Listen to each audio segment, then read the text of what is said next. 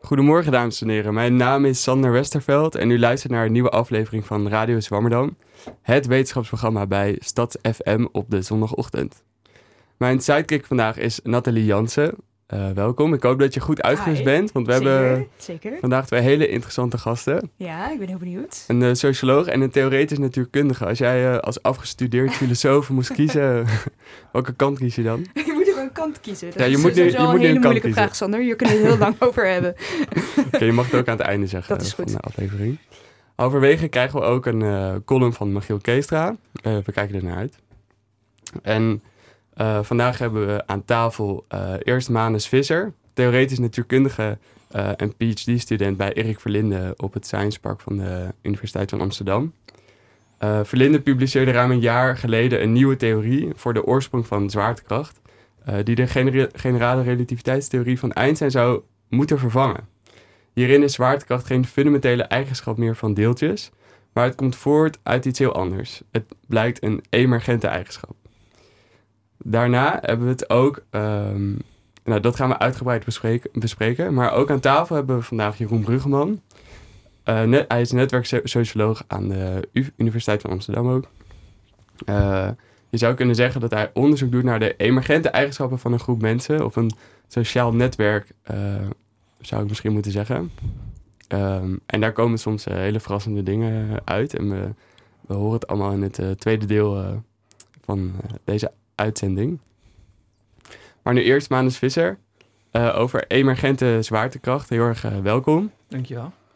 Deze nieuwe theorie van Erik Verlinde zou een, uh, een wetenschappelijke revolutie uh, kunnen betekenen, die onze kijk op uh, ruimte, tijd en massa radicaal zou kunnen veranderen. in de Volkskrant schreef hij onder andere een zin aan Einstein, ja. die hij mij liet zien. Dus die, ja. ik zou beginnen, dit vond ik nogal integrerend, dus ik zal, die zou ik eerst willen voorlezen en dan ben ik benieuwd naar jouw reactie. Hij schrijft... Ik heb hem trouwens in het Engels. Ik, ik kon hem niet meer in het Nederlands vinden, maar ik gok dat hij ooit in het Nederlands is gepubliceerd. Maar, ja, dat klopt, ja. Nou ja, in ieder geval, iedereen kan denk ik Engels. Uh, dear colleague, dear, dear Albert Einstein, uh, congratulations with the 100th birthday of your theory. It has given us many insights, but will soon be replaced by a new theory. Gravity is the consequence of changes in the quantum entanglement of microscopic information. Dat is een hele mond vol, vooral de laatste zin. Ja, ik hoop uh, dat wel uit te leggen straks wat hij daar precies mee bedoelt. Hij eindigt trouwens met kind regards, Erik Verlinde. Dus hij bedoelt het heel, uh, heel goed. Ja, maar eigenlijk zijn er uh, heel veel mensen op dit moment in mijn vakgebied aan het werk om eigenlijk Einsteins theorie proberen te vervangen en toch een nieuwe kijk op zwaartekracht te vinden. Hm. Ja. En dat heeft alles te maken ook met informatie. Hm. En is het, zo, is het zo spannend als het klinkt? Dat. Ja, ik vind eerlijk gezegd wel. Ik bedoel, uh, ja, zwaartekracht, uh, iedereen kent het. Je, je, staat er zeg maar mee op en je gaat er in bed. en, Opstaan is soms moeilijker. ja, precies. Maar um, ja, heel, heel, veel grote denkers hebben daar natuurlijk over nagedacht. je noemde al Einstein, maar ook Newton. En als je daar ja, een nieuwe een nieuwe theorie over kunt ontwikkelen, dan is dat eigenlijk wel heel spannend. Mm. En uh, volgens mij zijn we op dit moment zitten daar een soort van middenin. Ik voel ook alsof ik echt met de neus, met mijn neus in de boter val wat dat betreft. Uh, ja. Mm. De, um, ja, misschien is het dus goed om bij het uh, begin te beginnen. Waarom, waarom hebben we eigenlijk een nieuwe theorie nodig? Ja, nou, er zijn eigenlijk twee problemen die, die in principe totaal onafhankelijk van elkaar zijn. En de ene komt voort uit waarnemingen en de ander eigenlijk meer uit de theorie. En uh, we hadden het al over, dus eerst het uh, probleem uh, van, de theorie, we hadden het al over Einsteins theorie. Uh, maar als je die wilt combineren met, dat, dat is de theorie die gaat over het hele grote, over het zonnestelsel, over sterrenstelsels. Maar als je die theorie probeert te combineren met uh, de theorie van het allerkleinste, de theorie van de kwantummechanica, um, dan loop je eigenlijk uh, in allerlei uh, problemen. En die theorieën die gaan eigenlijk niet goed samen. Dan krijg je allerlei oneindigheden. En dat, dat heet het probleem van de kwantumzwaartekracht. En daar zijn mensen eigenlijk al ja, 50 jaar mee bezig om dat probleem op te lossen. Hm. En die, eh, die, het idee van emergentie is daar een, eh, wellicht een oplossing van. Ehm, en wat, dat, wat het emergentie eigenlijk zegt, is dat zwaartekracht op het allerkleinste niveau niet bestaat. Hm. Dus dat het eh, juist eh, op hele grote schaal tevoorschijn komt. En wij eh, voelen de zwaartekracht, maar als je heel erg inzoomt, Ja. dat het dan niet bestaat. Ja, we gaan het straks ook meer hebben over emergentie. Ja, de, er wordt dus al decennia gezocht naar een... eh, om dat de allerkleinste met het allergrootste te verbinden. precies. Ja. Zijn er... ehm, en nu het daar dus een voorstel voor. Maar er zijn ongetwijfeld andere, andere theorieën Ja, natuurlijk. En, en wij doen ook onderzoek naar die, eh, andere ideeën. En eh, ja, een- een, voorstel komt van de snaartheorie bijvoorbeeld. Dat eh, deeltjes op allerkleinste schaal eigenlijk uit snaren bestaan. En niet uit puntdeeltjes. Ehm, en een paar, een paar ideeën van Erik Verlinde en van ons onderzoek... die komen ook uit voort uit de snaartheorie. Dus je kunt het eigenlijk... is het een soort van verlengde daarvan... of een nieuwe stap in, die, in dat onderzoek. Dus het komt niet helemaal uit de lucht vallen. Nee, zeker niet. Nee. Ehm, en die, kan, je, kan je een voorbeeld noemen? Of je noemde net al een voorbeeld dat het in de theorie niet helemaal werkt. Als je het kleinste met het grootste probeert Ja. te verbinden. Maar er zijn, eh, er zijn ook waarnemingen gedaan dat de theorie van Einstein niet klopt. Ja, precies. Ehm, dus het andere probleem wat ik noemde gaat eigenlijk over sterrenstelsels. Dus over het hele grote, eh, grote verschijnselen. En eh, wat daar eigenlijk een, eh, al in de jaren zeventig door sterrenkundigen is ontdekt, is dat sterrenstelsels eigenlijk veel harder bewegen dan we eh, op basis van de massa die erin zit zouden verwachten. Ze draaien harder rond. Ze draaien eigenlijk harder rond. Dus je kunt de snelheid van dus die sterren aan de buitenkant, die draaien eigenlijk net zoals in het zonnestelsel om het middelpunt heen. En die draaien eigenlijk veel harder dan we zouden verwachten op basis van de zwaartekracht of de massa die we daarin zien. Dus dat Hmm. betekent dat er eigenlijk veel meer zwaartekracht is dan we, eh, dan we zien. Hmm. Op basis van het licht dat, dat eruit Ja. voortkomt. En ja, Die, dus die sterren, die sterren die hier ronddraaien in zo'n sterrenstelsel, die eh, worden bij elkaar gehouden door zwaartekracht. precies. En je kan, door, je kan natuurlijk een beetje zien hoeveel er is, denk ik. Ja. Door, eh, Door het licht eigenlijk, ja, precies. Wat uit die, en het licht is gerelateerd aan de massa. En dat heeft weer met zwaartekracht te maken. Dus je, zo kun je Ja. een afschatting maken van hoeveel massa erin zit. En dan kun je waarnemen wat de snelheid is. En die twee, daar is een discrepantie Ja, tussen. dat moet kloppen, want anders zou het uit de bocht vliegen. Precies, en het, Ja. het klopt ook, want die sterrenstelsels die vliegen niet uit de bocht. Ja. Dus er moet een oplossing voor zijn voor dat probleem. Dus er is te wei- je ziet te weinig materie. Dat is het probleem. En eh, nou zijn er eigenlijk voor dat probleem zijn er eh, twee logische oplossingen. En, en wat eigenlijk al heel snel toen eh, werd aangenomen, is dat er gewoon massa is, wat we niet kunnen zien, maar dat wordt dan donkere materie genoemd. Ehm, Dat klinkt heel spannend. ja, en, eh, ja, dat is heel spannend, maar we hebben het tot nu toe nog niet waargenomen. Dus het is een soort van hypothese die, waar wel heel veel mensen in geloven. Ja. Ehm, maar ja, dat moet ook nog gevonden worden natuurlijk. Hier Daarom heet het ook zo. Donkere materie, omdat Ja, je het niet ziet. We weten eigenlijk niet wat het is en we zien het niet. Het Ja. schuilt in het donker. Eh, en de andere oplossing is eigenlijk dat, en daar doen wij onderzoek naar, dat, niet, eh, dat er niet meer massa is, maar dat eigenlijk de zwaartekrachtswetten van Einstein ehm, op, ja, op die grote schalen eigenlijk niet meer werkt. Hm.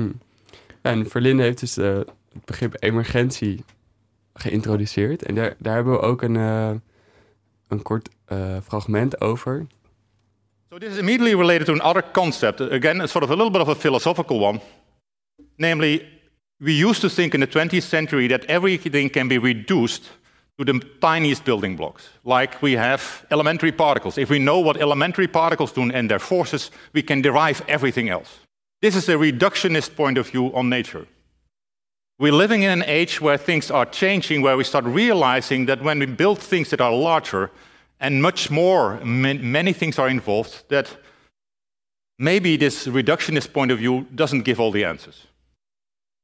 So let me tell you, ask you, what is this? You probably don't recognize it. It's just a set of pixels. But to show what it is, let me just zoom out a bit. But it's the same, same set of pixels, but a little smaller. And now it's a picture where we suddenly see what it is. Of course, these are mountains, there's a lake and trees and so on. No, it's a collection of pictures, pixels. And here we have suddenly giving meaning to a collection of objects where microscopically it doesn't exist. And this is the same in nature. If we ask what things are made of, then some of the terms that we use, like maybe even matter or space and time, may not exist. And this is sort of where we are going to. Dat was dus Verlinde bij een... ehm, hij gaf een college op het eh, Perimeter Instituut in Amerika.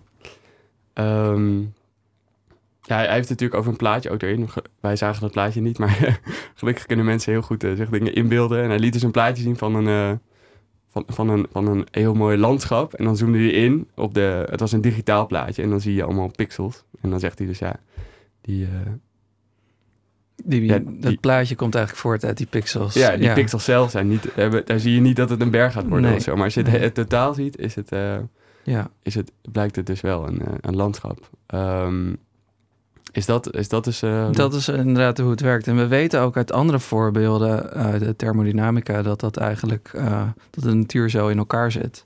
Dus misschien om een voorbeeld te geven, Ja. eh, als je een stel je hebt een, een gas van deeltjes in deze kamer, dan hebben die dat gas heeft een bepaalde temperatuur. Dat kun je meten. Maar dat, die temperatuur is eigenlijk, dat komt eigenlijk omdat, er, omdat je heel veel deeltjes hebt. En de temperatuur is eigenlijk een maat voor hoe snel die deeltjes bewegen.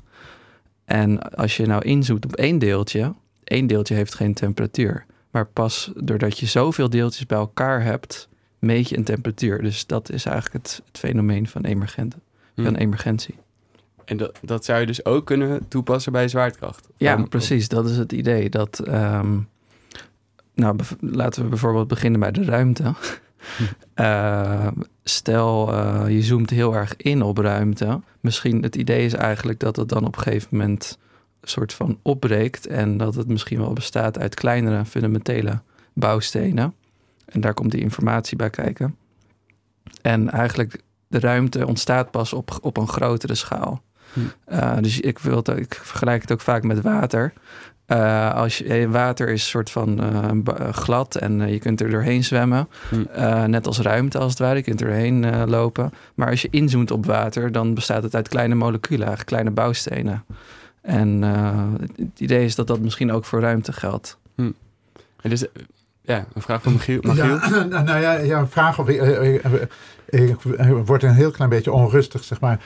Het idee, ook het beeld wat uh, Verlinde schept van pixels, uh, dat als je maar een hele hoop pixels bij elkaar stopt, dat je vanzelf emergente eigenschappen krijgt. En dat uh, dat een goede metafoor is. Ik denk dat dat wat uh, simplistisch is. En dan heb je eigenlijk wat we dan noemen een aggregaat. Net een verzameling zandkorrels bij elkaar. Dan krijg je nog geen emergente eigenschappen. Dus ook het voorbeeld van de, van de warmte of van water. Bijvoorbeeld een enkel H2O-molecuul heeft nog geen gladheid en dergelijke. Maar het gaat natuurlijk ook om de, de bindingen, de connecties tussen die deeltjes. Die dan met elkaar, dus in georganiseerde vorm, uh, nieuwe eigenschappen laten zien. Dus laten we niet denken, want uh, daar ga ik het zo meteen mijn column ook over hebben. Ja. Dat emergentie hetzelfde is als een hele hoop uh, spulletjes van nee. hetzelfde bij nee, elkaar het is meer een, een, een berg gooien. Het is meer noodzakelijk dat je zoveel Ja. deeltjes hebt, maar je hebt, moet Ja. natuurlijk ook een interactie tussen die deeltjes hebben, waardoor je dan, en zoals bij H- H2O heb je daar een binding tussen. Mhm. En daardoor uh, is ijs zo sterk bijvoorbeeld, of water Ja, zo glad. Hm. Uh, en het idee is dat je dat ook bij zwaartekracht hebt en bij ruimte. Dus je moet eigenlijk, wat wij eigenlijk doen, is uh, die, die, die regels vinden, waardoor uh, als je informatie bij elkaar zet als het ware, dus uh, bits, quantum bits, uh, wat dan de regels zijn waardoor zwaartekracht tevoorschijn komt. Hm. En uh, die, die algemene, de, daar wordt, de, wij zijn niet de enige die daar onderzoek naar doen. Maar daar wordt uh, door anderen ook, uh, dat wordt door anderen ook onderzocht. En die proberen dus een soort van principe, algemeen principe te vinden in kwantuminformatietheorie. Waaruit je zwaartekracht kunt afleiden. Hm. En eigenlijk de zoektocht naar, die, naar dat principe is iets wat ik heel erg interessant vind. Dus de, de bouwstenen van zwaartekracht zijn dan, ja, je zegt quantum bits of Ja. informatie, kan je zeggen? Of, wat, moet ik me daarbij voorstellen? voorstellen? Een, een bouwsteen, dat informatie een bouwsteen kan zijn van uh, zwaartekracht? Um, ja, dat is, dat is natuurlijk ook moeilijk voor te stellen, omdat ja, ons brein is gewend aan, eh, aan eh, de aarde, zeg maar, en niet aan, aan die situatie. Maar ja, je moet je voorstellen dat het een, computer of een harde schijf is ook opgebouwd uit chips en die, en, nou ja, bestaat weer uit informatie. Dus ehm, Ja. dat is het idee eigenlijk ook. Alleen dan is het kwantuminformatie dus, omdat het op het allerkleinste zich afspeelt. En ehm, Hm. ja, daar, daar moet dan de zwaartekracht uit voortkomen. Ik snap dat, Ja. dat, moe- dat die stap is nee, natuurlijk heel groot en moeilijk. Ik geloof. Verlinde maakt ook een keer de analogie met eh, dat, dat hij eigenlijk op zoek is naar de software van het, van het universum, als het ware. Die, die informatie zit er en dan Ja. de, de Ja, wetten is- die beschrijven dan hoe die informatie interacteert. Ja, dat is net ook wat ik uitlegde met die principes of regels. Dus eh, je hebt de hardware zijn, zijn dan die quantum bits, maar die hebben ook bepaalde software nodig, waardoor de ruimte dan eigenlijk ontstaat. En een van de ideeën is dat, en dat eh, kwam ook naar voren in de brief die je voorlas, is dat eigenlijk de verstrengeling tussen eh, quantum bits, dat dat eigenlijk te maken, dus dat is een bepaalde eigenschap van kwantummechanica, dat dat eigenlijk te maken heeft met dat ruimte verbonden is. Dus als deeltjes als het ware niet eh, beïnvloed door elkaar worden of niet verstrengeld zijn, dat ruimte dan niet verbonden is. Dat is een ehm, idee wat nu heel populair is. Mag ik misschien wat vragen? Want ik, eh, ik heb niet de natuurkundige achtergrond. Maar ik vind het heel interessant dat je zegt software, hardware. Ja, Ehm, en dat lijkt dan toch alsof er een soort kern is in deeltjes. Zo probeer ik me dat voor te stellen. Ehm, en tegelijkertijd heb je dat oudere idee, net tussen haakjes, wat jullie misschien eh, overheen proberen te komen, het idee van reductionisme. Dat je zo ver mogelijk ergens induikt, dat je dan een bepaalde kern vindt. Want hoe staat dit dan? Staat het op gespannen voet? Of is het iets van emergentie betekent hè, de emergence van dingen op zichzelf? Ja. Hè, hoe, hoe, hoe staat het op ontologisch niveau? Hè, het... Eh, nou, het is natuurlijk wel zo dat als je inzoomt, dus als je reduceert als het ware, dan vind je, nee, je kunt steeds meer inzoomen en steeds eh, bij een atoom bijvoorbeeld eh, weer andere deeltjes vinden. En maar misschien is er één fundamenteel deeltje of zo. een elektron, bij een elektron kun je ook niet meer inzoomen. Alleen ehm, het idee is meer dat als je steeds meer inzoomt, dan kom je ook weer op andere natuurwetten uit. En ehm, emergentie gaat er dan eigenlijk over dat je uit die, die natuurwetten die dan op die hele kleine schaal zich afspelen, daaruit kun je niet zomaar eh, de, de wetten op hele grote schaal afleiden. Ja. Ehm, Dus het is meer een pluraliteit aan, aan theorieën. Dat, dat het niet alleen maar één universeel frame is ja, op waar elke schaal heb je eigenlijk Precies. een soort van nieuwe, nieuwe beschrijving nodig. Ah, dus dat is inderdaad wat Michiel, wat jij ook al zei van... we moeten emergentie niet reduceren tot ehm, alleen maar een soort van willekeurige deeltjes bij elkaar... en dat een nieuwe groep Nee, vormt. ja. Maar echt, er is, gebeurt iets nieuws. Dus echt een emergence Ja, van, van iets nieuws. heeft het, heeft het niet eh, ook te maken, hè, en wat ik altijd begrepen heb, wat voor natuurkundigen eh, ja, de heilige graal is, ehm, is een vereniging van de verschillende theorieën. Dus de theorie van de zwakke Ja. en de sterke kernkracht, de elektromagnetische theorie en de zwaartekrachtstheorie. Ja. En dat je dus eigenlijk, hè, wij zijn zo gewend, waar we het net ook over hadden, om te denken van ja, je moet ehm, de eigenschappen van de kleinste deeltjes ehm, kennen en dan kun je vanzelf de rest afleiden. Terwijl eigenlijk natuurkundigen al heel lang zeggen van nee, we hebben verschillende beschrijvingen van wat er gebeurt in de natuur. En die verschillende beschrijvingen, die theorieën, die krijgen we maar niet met elkaar op één hoop. ja. En vanuit een informatietheoretisch perspectief is dat misschien veel makkelijker om Ja, eh, te precies. krijgen. Dat Is dat is het idee. de- Ja, ja, Ja. ja. Dus om die eh, zwaartekracht met die andere kracht eigenlijk te combineren, Hmm. dat is eh, heel moeilijk. Dat is het probleem van kwantumzwaartekracht. Hm. En ja, misschien is de, eigenlijk wat voorheen men probeerde is om dezelfde regels van die kwantummechanica, van die krachten toe te passen op zwaartekracht. Hm. Maar dat werkt misschien eigenlijk niet, omdat zwaartekracht niet aan die regels voldoet. Mhm. En die is de, deze theorie gaat nu getest worden. Eh, en er is al een eerste test eh, geweest, begreep ik, door Mar- Margot Brouwer. Ja. Ehm, is het, was dat een positieve test? Dat was inderdaad positief. Ik heb daar zelf ook aan meegewerkt. Eh, dus ik werk ook nou met haar samen. En dat kwam eigenlijk al heel snel uit na eh Verlindes artikel. Ehm, en dat, dat was inderdaad positief, Hm. maar... eh, hoe, hoe, hoe test je dat? ja, dus waar zij naar gekeken heeft, is eigenlijk weer naar die sterrenstelsels. En ehm, het licht dat, dat eh, van die sterrenstelsels komt. Ehm, en doordat het licht op een bepaalde manier vervormd wordt, Hm. Eh, dat heet eh, ja, lensing eigenlijk van, van licht. Ehm, daaruit kun je afleiden hoeveel zwaartekracht er eigenlijk in zit. En eh, nou, zij, zij werkt in, aan een team, van, met een team van sterrenkundigen. En die hebben eigenlijk heel veel van die sterrenstelsels samengenomen. Ehm, en als het ware die nou ja, Verlindes theorie daarop, daarop toegepast. Want hij heeft dan een voorspelling voor hoeveel zwaartekracht er in die sterrenstelsels eh, aanwezig is. En dat klopte. Dat, dat klopte inderdaad. Hm. Eh, maar dat wil nog niet zeggen dat die theorie dan ook meteen helemaal klopt. Want er zijn ook andere theorieën die hetzelfde kunnen beschrijven. Ja. Eh, dus we moeten echt nog de theorie veel verder ontwikkelen. En ook nog veel meer waarnemingen doen om Ja. daar echt meer over te kunnen zeggen. Ja. Wel, hier- Het is- ironisch in zekere zin, omdat eh, de, de eerste empirische bevestiging van de, van de relativiteitstheorie met Eddington's eh, experiment uit 1912 of 17 Nee, wil ik afwezen. 1919, ja. 19, de, de afbuiging van het zonlicht eh eigenlijk klopt. een soortgelijke test was. Ja, Dus, dat is eigenlijk een, ja, precies, een, gewoon een hele goede manier om een Mm. zwaartekrachtstheorie te testen. En ja, dat is ook het moment waarop Einstein toen heel erg beroemd is geworden. Eh, maar ja, zover zijn we eigenlijk nog niet, wil ik zeggen, Hm. op dit moment.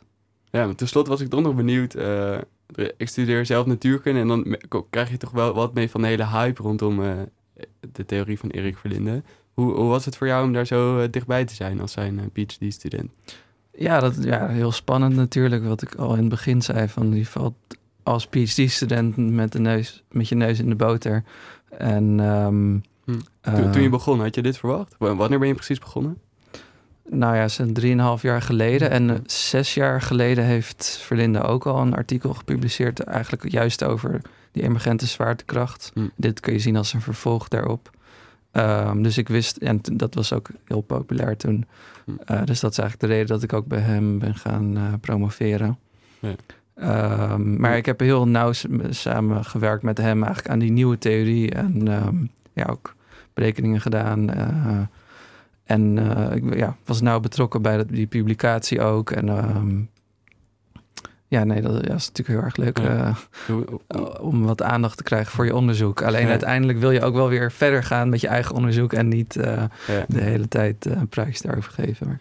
Maar, Als je zo'n inschatting zou moeten maken eh, tussen als het ware de, de hoeveelheid voor- en tegenstanders, een beetje grof gezegd. Ja, hè? Wat een voor soort receptie, hè, wat voor soort Eh. ontvangst. eh, ja, nou ja, zeg maar hoeveel mensen hebben- zijn Mm. heel sceptisch en hoeveel Ja. mensen denk je... nou, dat is grappig, want er zijn verschillende groepen eigenlijk van ja, wetenschappers. Je hebt de sterrenkundigen, je hebt de theoretische natuurkundigen. En, ehm, die kijken er toch denk ik wat anders naar. De sterrenkundigen die, die zijn eh, positief dat er nieuwe theorieën is die ze kunnen testen. Hmm. En eh, dat doen ze dan ook graag. En dan, eh, die zijn dan ook wel kritisch als dat niet werkt, bijvoorbeeld. Hm. Ehm, en de theoretische natuurkundigen die vinden het allemaal wel interessant, maar misschien nog te vaag en nog niet goed ontwikkeld. Dus, ehm, maar die, die zijn wel heel erg geïnteresseerd. Dus Flynn heeft ook heel veel praatjes gegeven in het buitenland daarover.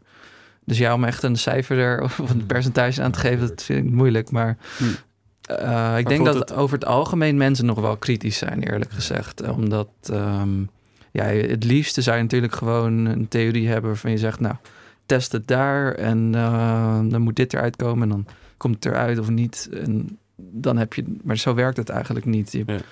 Het is toch ook een samenspel tussen waarneming en Mhm. theorie. En die theorie is ja, nog niet af eigenlijk.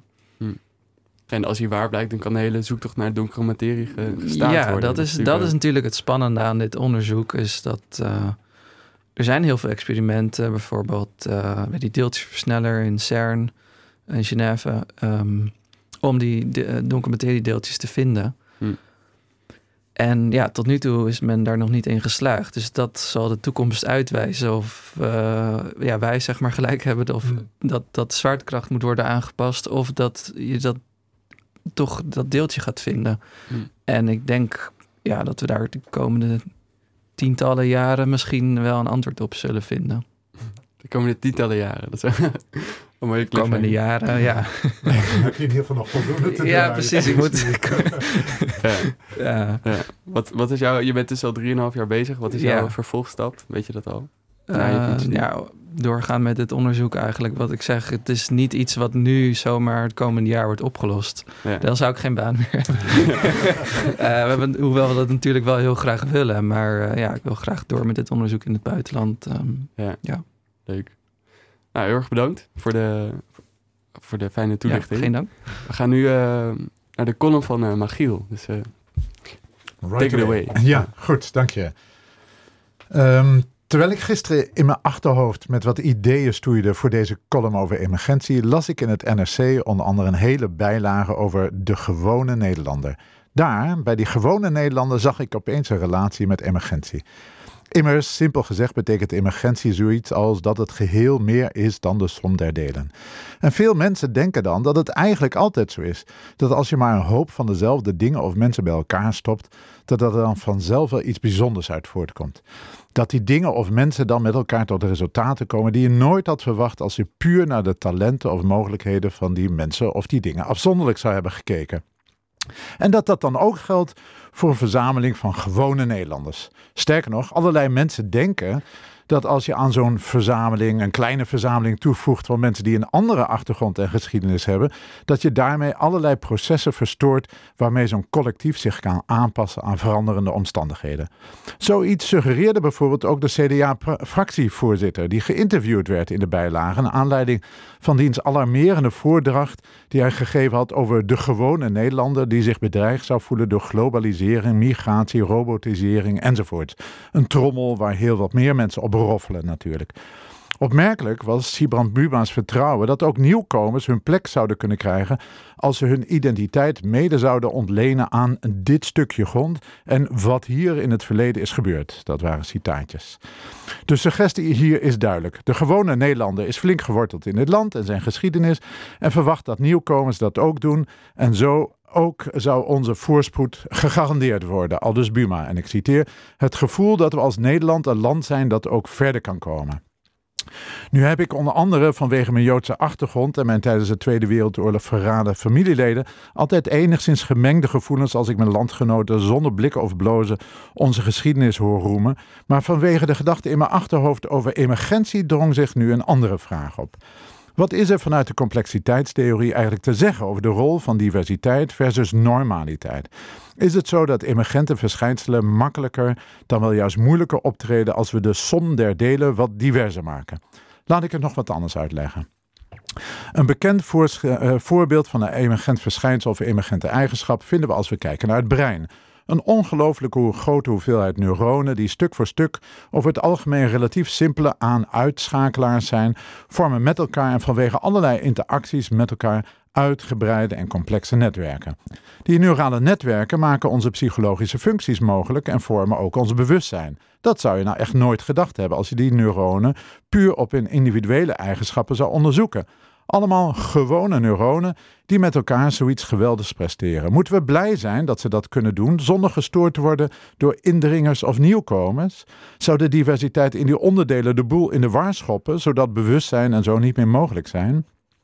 Niets is minder waar. Al vanaf de eerste anatomische en cellulaire onderzoeken van ons brein, die in de 19e eeuw heel populair werden, bleek, bleek dat er allerlei verschillende soorten neuronen zijn. Inmiddels zijn er zelfs nog andersoortige onderdelen bijgekomen: gliacellen, astrocyten en zo nog wat. Die andere cellen blijken andere functies te vervullen dan het aan- of uitschakelen dat de neuronen doen. Astrocyten blijken bijvoorbeeld invloed uit te oefenen op de synapsfunctie, waarmee, waarmee neuronen met elkaar contact onderhouden, zodat die schakelfunctie wat complexer is dan eerst gedacht werd.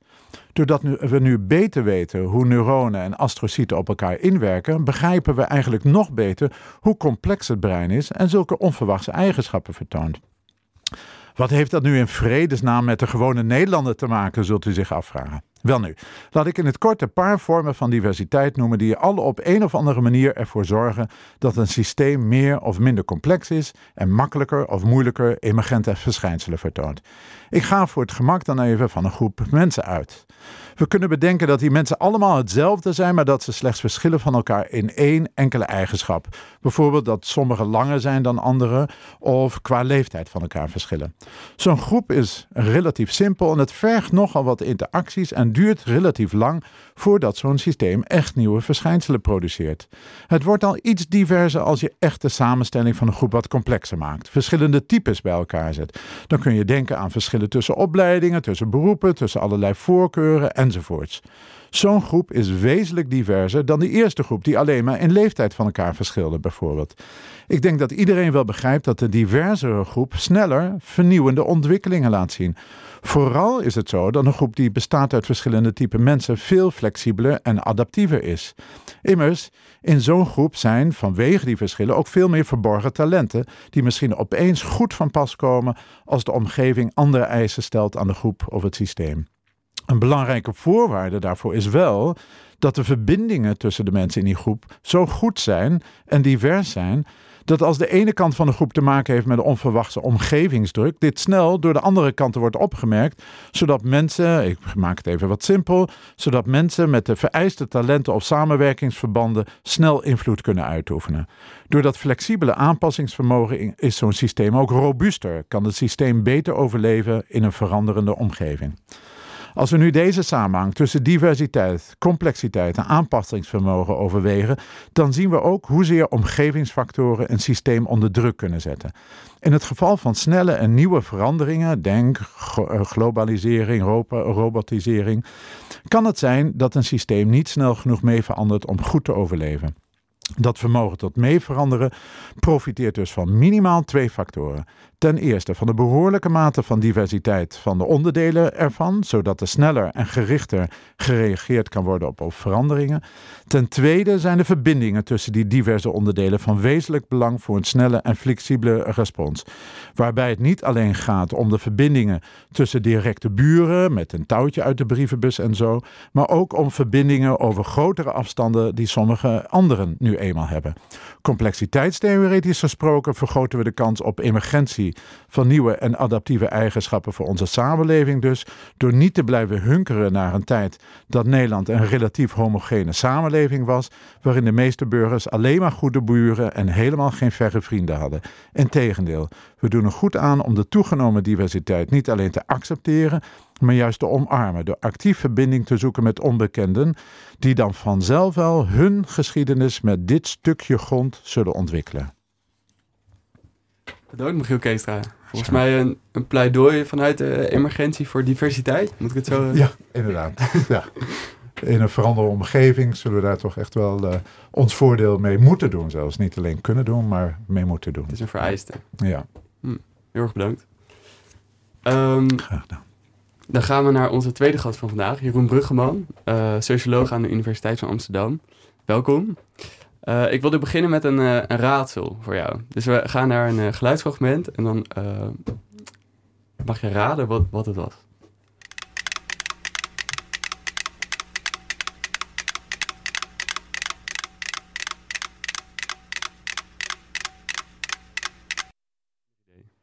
dat zijn metronomen die steeds synchroner gaan lopen. Ja, dat, uh, dat heb je. Wauw. Ja, ja, ja. ik er niet uitgehaald. Nee, ik ook niet. Nou, toevallig was ik bij een college van Henk-Jan Honing. Hm. En die deed dit als experiment hm. in de klas. Dus vandaar dat ik, eh, omdat ik dit kort geleden heb gehoord, kon ik het makkelijk uh, herkennen. Ja, wat leuk. Gelukkig, want uh, het leek mij een mooi bruggetje naar uw onderzoek. Misschien kunt u het bruggetje zelf maken. Uh, nou ja, ik doe allerlei verschillend onderzoek, dus ik weet niet uh, welke je wil hebben. Maar in ieder geval, ik, ik hoor allerlei dingen over emergentie uh, in het heelal en groepen mensen. En een daarvan is natuurlijk als mensen met elkaar synchroon gaan bewegen, bijvoorbeeld door te dansen op muziek, dan heeft dat een meetbaar effect. Dus mensen die gaan beter samenwerken met elkaar als groep en zijn bereid meer in te leggen in bijvoorbeeld een uh, collectief goed, wat ze met z'n allen produceren. En waarom dat precies zo is, weten we niet, maar het is wel interessant dat dat gebeurt. Hm, het is een soort samenwerken. Uh, nee, het, het, uh, het versterkt samenwerken, maar we weten eigenlijk niet waarom. Dus mensen noemen het dan solidariteit of cohesie, maar dat is alleen maar een nieuw label uh, op dezelfde vraag hangen zonder het uit te leggen. Hm. Dus het onderliggende mechanisme is eigenlijk niet duidelijk. Hm. En het is dus vreemd, omdat je zou uh, kunnen denken, nou ja, dit wetende, als je crimineel bent, dan ga je dus dansen met je slachtoffer. En dan pak je daarna diegene zijn geld makkelijker af, omdat hij beter bereid is met jou uh, samen te werken of, of jou meer vertrouwt.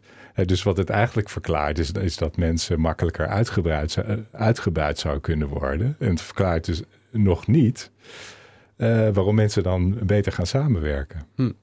Waarom gaan mensen dan samenwerken? Ehm, nou ja, omdat uh, de, de kosten-batenverhouding uh, gunstiger is dan als ze dat niet zouden doen. En ze dat ook uh, ervaren dat dat zo is. Hm. Dus zodra ze het idee hebben, misschien juist of onjuist, dat, dat het ze te veel inspanning kost en te weinig oplevert, dan, dan houden ze er ook weer mee op. Ja. Dus ook samenwerking is een emergent verschijnsel. Dat heb je minstens twee mensen of meer of een hele groep voor nodig. Eh, hm. iemand in zijn eentje kan niet, eh, kan niet samenwerken, maar in een groep kan dat wel. En het is ook een kwetsbare eigenschap die dus ook weer ja, kan, kan instorten en ophouden te bestaan als, men, als, er, uh, als er dus iets misgaat, als mensen elkaar gaan wantrouwen bijvoorbeeld. Ja. Hm. ja en jouw onderzoek gaat dus onder andere, zoekt onder andere naar de oorsprong van, uh, van consensus. En je, daar gebruik je ook ehm, of samenwerken, sorry. Dat daar gebruik je ook wiskunde bij. Kan je daar um, kan je iets over zeggen hoe je met wiskunde een, uh, een mens kan beschrijven? Of een groep mensen, moet ik zeggen? Nou, ik zie uh, samenwerken als informatieprobleem. In de zin dat mensen die moeten over elkaar weten uh, wie ze zijn, wat ze willen, waar ze talent in hebben. Of ze in het verleden betrouwbaar zijn gebleken of juist helemaal niet. Uh, en als je dan de vrijheid hebt te kiezen, dan ga je toch liever in zee met mensen die daar die een beetje gunstig zijn, een goede reputatie hebben, uh, dan mensen met een slechte reputatie die je liever toch uit de weg zou gaan. Nou, soms zit je in familieverbanden vast en heb je die keuze niet.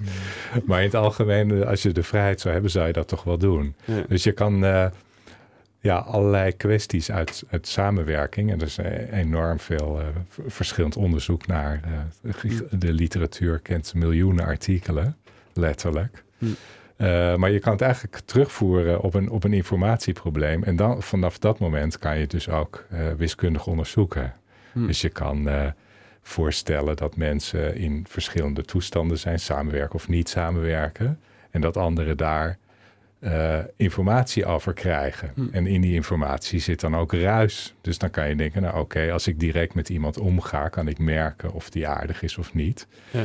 Uh, maar mensen gaan ook om met mensen die ze nog nooit ontmoet hebben. En, en hoe komen ze daar dan achter? Nou, dan horen ze daar bijvoorbeeld roddels over. Die kunnen waar zijn, of misschien wel niet waar, of een beetje waar. En ze kunnen ook van verschillende mensen verschillende soorten roddels worden. De ene iets gunstigs, de ander iets ongunstigs. Ja, ongunstigs. En daar moeten ze dan iets mee. Dan moeten ze toch een knoop doorhakken. En je kan dus met, eh, met wiskundige theorieën kan je uh, proberen daar voorspellingen over te doen. Om dit, deze kwestie heel precies te maken. En dan uh, te testen in een laboratoriumexperiment of dat inderdaad zo is. Want hier is dan denk ik ook de analogie met de metronomen op een, uh, dat is dus wat we net hoorden, een paar metronomen op een tafel. En die lopen eerst asynchroon. En dan na een tijdje, omdat die tafel een klein beetje beweegt, uh, tenminste zo heb ik het begrepen, kan, gaan die metronomen uiteindelijk wel synchroon lopen. Is dat, ja, er is een ehm, koppeling tussen, tussen die metronomen. Ja. Uh, en als die er niet zou zijn, dan zou ze ook nooit uh, synchroon gaan lopen. Ja. Uh, maar de analogie met mensen is als ze een beetje oogcontact met elkaar hebben, dan, dan stel er staat helemaal geen muziek aan, maar de een beweegt in een ritme en de ander ook. Als ze elkaar niet kunnen zien, dan gaan ze door uit, uit elkaars ritme. Maar als ze oogcontact kunnen maken, dan is er als het ware een koppeling, zoals die metronoom op de tafel. En dan kunnen ze hoe het cognitief werkt, weet ik niet, want ik ben geen psycholoog. Maar in ieder geval met, met spiegelneuronen en andere. Ik kijk nou even Magiel aan. Uh, kunnen, kunnen mensen dus elkaars uh, bewegingen imiteren en in, in, ieder geval werkt het. Uh, in elkaars ritme opgaan. Ja. Nou ja, ik denk inderdaad, als, als je de verbinding met de, met de cognitieve neurowetenschap en die spiegelneuronen zou trekken. Die koppeling die werkt bij de meeste mensen, maar je hebt bijvoorbeeld psychopaten. Uh, die blijken in staat te zijn om als het ware die automatische respons van die spiegelneuronen uh, te kunnen onderdrukken. Dus dat is dan als het ware een metronoom die zichzelf net ontkoppelt en op een heel instrumentele manier kan denken van ja, eh, met die andere metronomen ga ik een loopje nemen. En dat maakt het denk ik voor, ja, voor een socioloog ook interessanter dan de metronoom. Ja, daar heb je dan zo'n bedrieger eh, die uh, mee kan doen of de schijn kan wekken in het ritme van de groep mee te doen, maar ondertussen er zijn eigen agenda op nahaalt. Hm. Dus door de hele simpele analogie met een uh, metronoom kan je toch hele complexe dingen beschrijven in een groep mensen. Of, nou ja, goed, ik gebruik dan ook wel andere modellen. Dus die, die metronoom gaat niet heel veel verder dan echt op een ritme synchroniseren. Hm. Het, het, de, als mensen een taal spreken wat niet een ritme heeft, muziek heeft een ritme, maar een taal moet je echt je gaan uitsloven om een gedicht of een, een liedje te maken wat op een ritme kan. Hm. Uh, maar als, zodra het al niet meer een ritme heeft, kan je de wiskundige modellen van het ritme al niet meer uh, toepassen. En dan wordt het allemaal een stuk ingewikkelder. Ja. Okay. ja, het lijkt me sowieso heel lastig om die wiskunde op mensen toe te passen. Um, dus eh, spreekt over modellen. Um, of in ieder geval een model dat je daarvoor gebruikt. Maar ik hoor hier bijvoorbeeld, je het ook in je column vertellen, Michiel, over dat juist als er meer prikkels zijn, er ook weer meer verbindingen ontstaan. Staat dat op gespannen voet met jouw theorie bijvoorbeeld die je hebt? Uh, nou ja, kijk. Je, Valt het buiten het systeem? Of heb je nou, daar weer een andere theorie kiezen voor? Die, wat, wat je variabelen zijn in je data. En, en, en, waar sociologie en antropologie goed in zijn, is interpreteren van sociaal leven. Dus je kan mensen op oneindig veel manieren interpreteren. En ze doen ook allerlei ingewikkelde dingen. Dus dat leidt tot enorme wanorde als je niet wel daar structuur in aanbrengt. Dus je moet eerst interpreteren, nou, gegeven een bepaalde situatie en een probleem waar mensen bijvoorbeeld voor willen samenwerken om het op te lossen. Uh, wat zou dan relevant kunnen zijn? Nou, daar hou je nog wel een aantal verschillende mogelijkheden ja, over. Dus, dus, daar is al een keuze maar Je moet, je moet al gaan kiezen. Nou, je, je moet iets doen met kosten en baten. Want anders kan je samenwerken niet vatten. En ook iets, informatie die mensen over elkaar uitwisselen. Dus ze, ze praten tegen elkaar en over elkaar. En, en daar moet je iets mee. En dat geeft al richting aan, nou ja, wat voor variabelen zou ik in een model moeten hebben. En dan, dan wordt de, de zoekruimte, wat voor soort modellen je dan zou kunnen gaan kiezen, die wordt dan kleiner.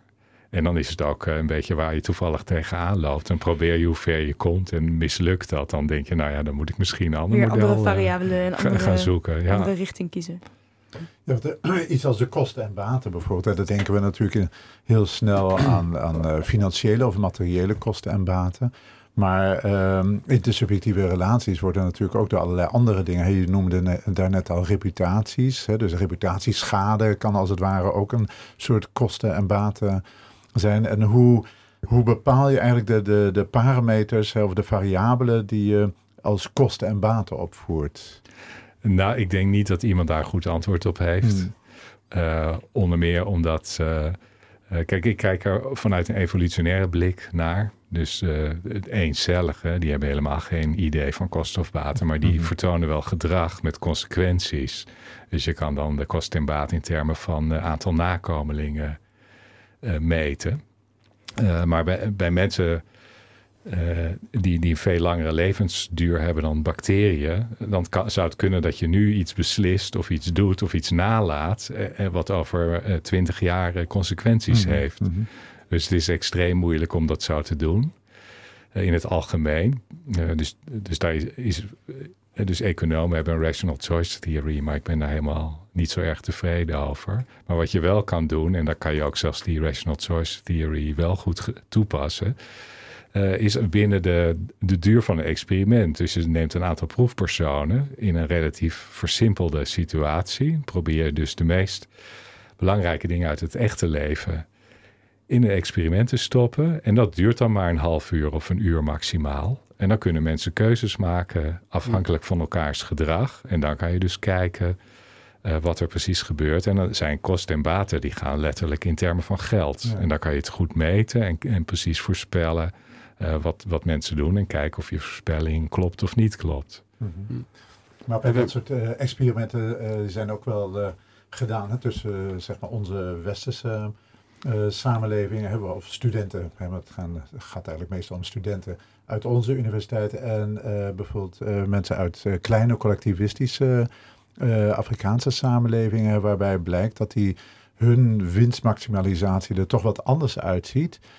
Onder andere omdat zij zo, uh, is de verklaring die ik erover heb gelezen, zo opgegroeid zijn met het idee van ja, ik kom, welke persoon, ik zie niet welke persoon deelneemt aan het experiment, hem een tegenstander als het ware. Maar uit ervaring weet ik dat ik vroeg of laat kom ik elke persoon uh, ooit weer tegen in, binnen, uh, binnen mijn stam.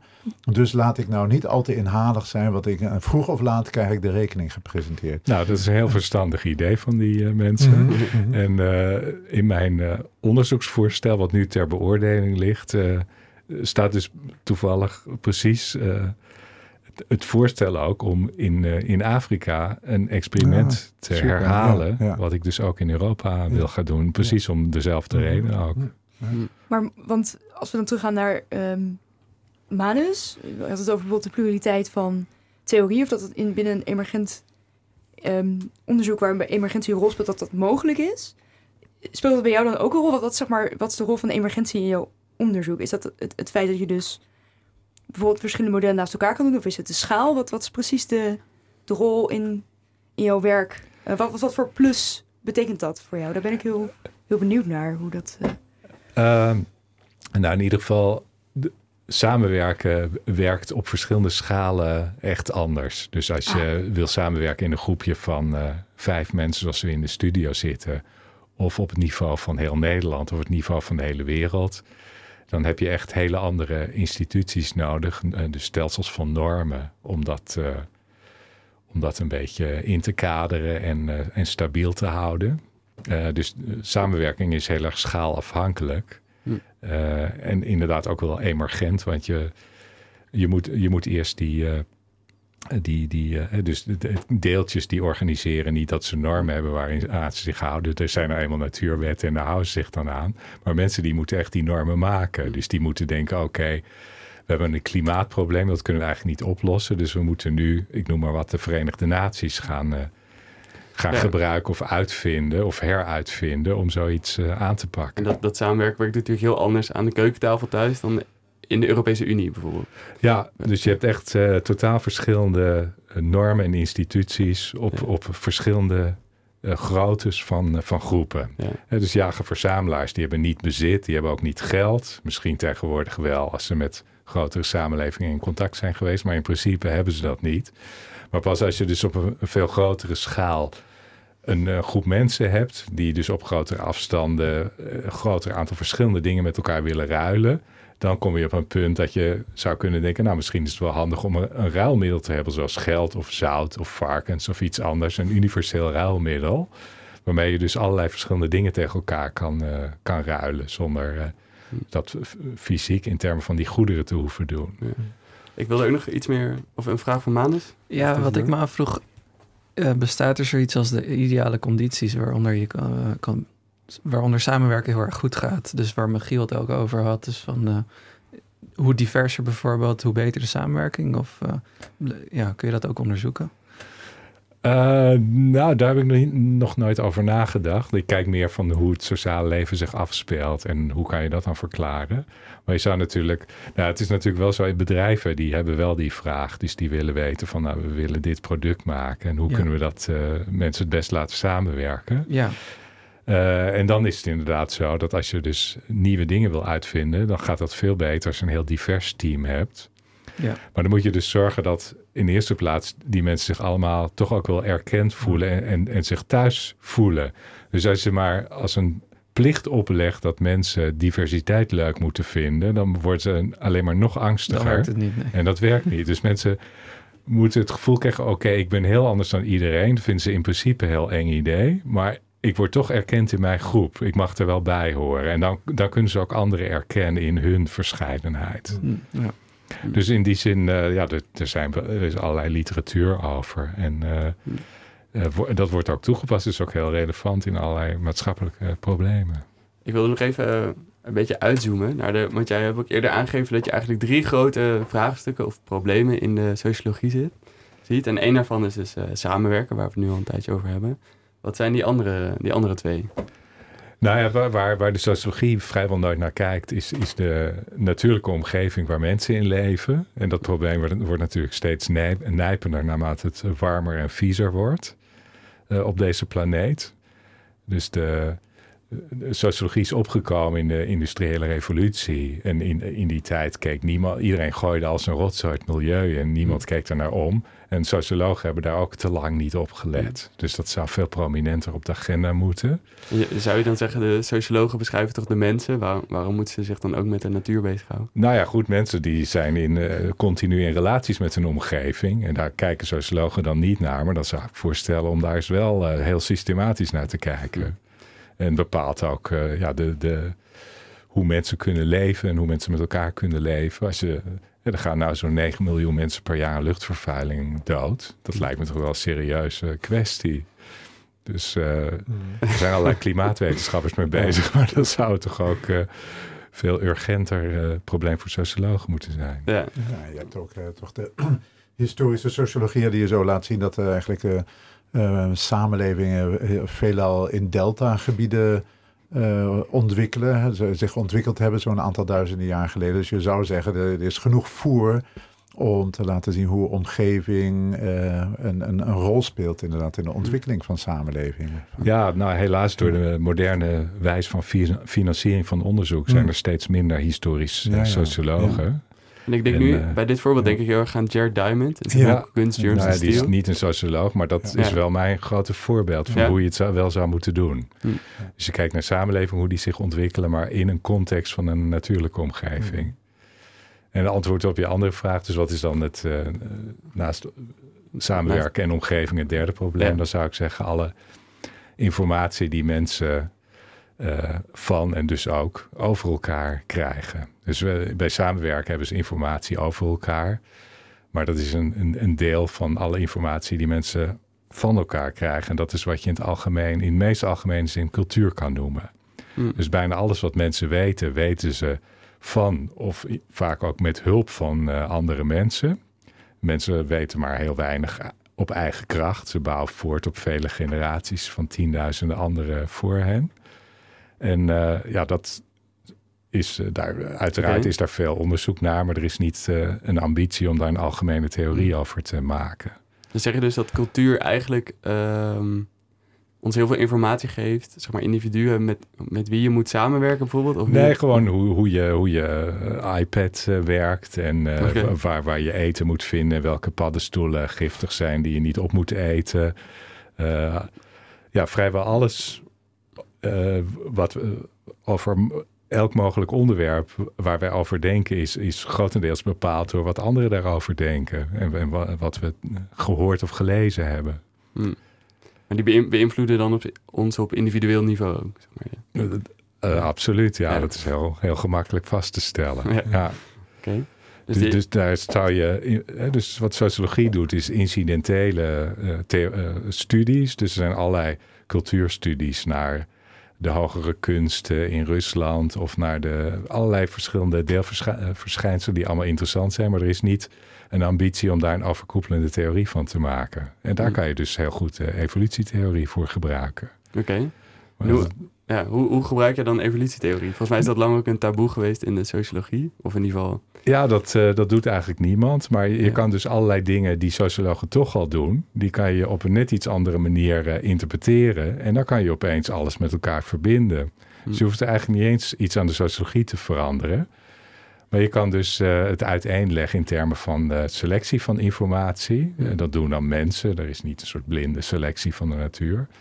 Maar mensen selecteren informatie. Dat heeft consequenties voor hun gezondheid en een aantal kinderen die ze hebben.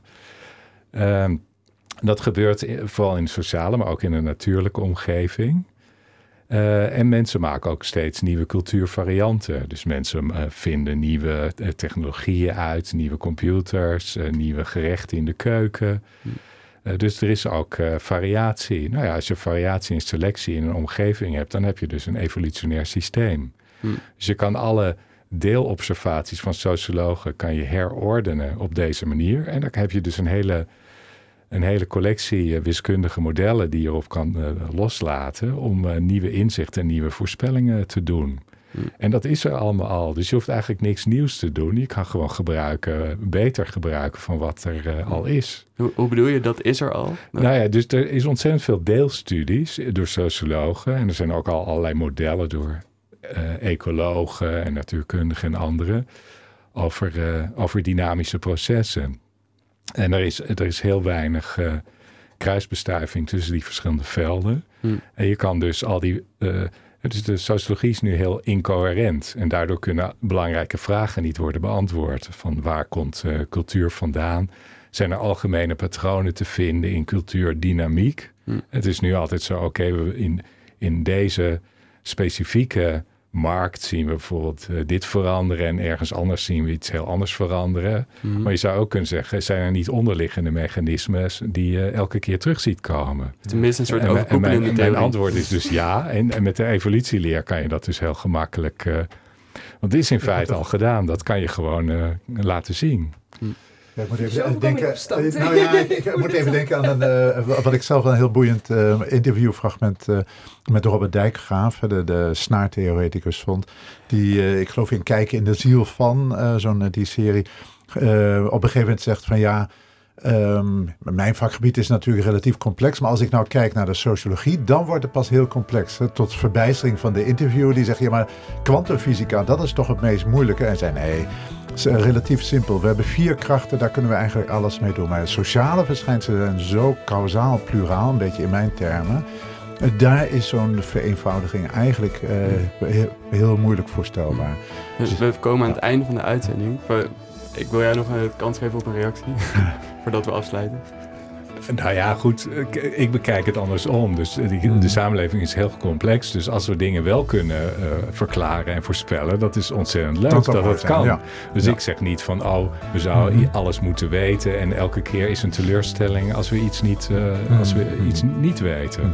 Ja, zo, uh, zo komen we aan het einde van Radio Zwammerdam op zondag 10 december. nog genoeg om over na te praten, denk ik.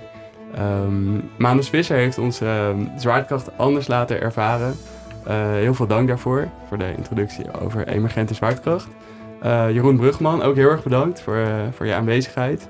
Um, en de nieuwe frisse blik op sociologie. De aflevering is vanaf vanmiddag ook in zijn geheel te beluisteren als podcast op onze website radioswammerdam.nl. via iTunes of waar dan ook, andere podcast-app. Uh, like ons op Facebook, volg ons op Instagram. Mijn naam is Sander Westveld. Naast mij zat Nathalie Jansen. Heel erg bedankt ook weer voor jouw Graag gedaan, Sander. Uh, bijdrage. En ook heel erg bedankt aan uh, Magiel voor je, voor, je boeiende column en je pleidooi voor diversiteit. U luisterde naar Radio Zwammerdam en we wensen u nog een hele fijne zondag.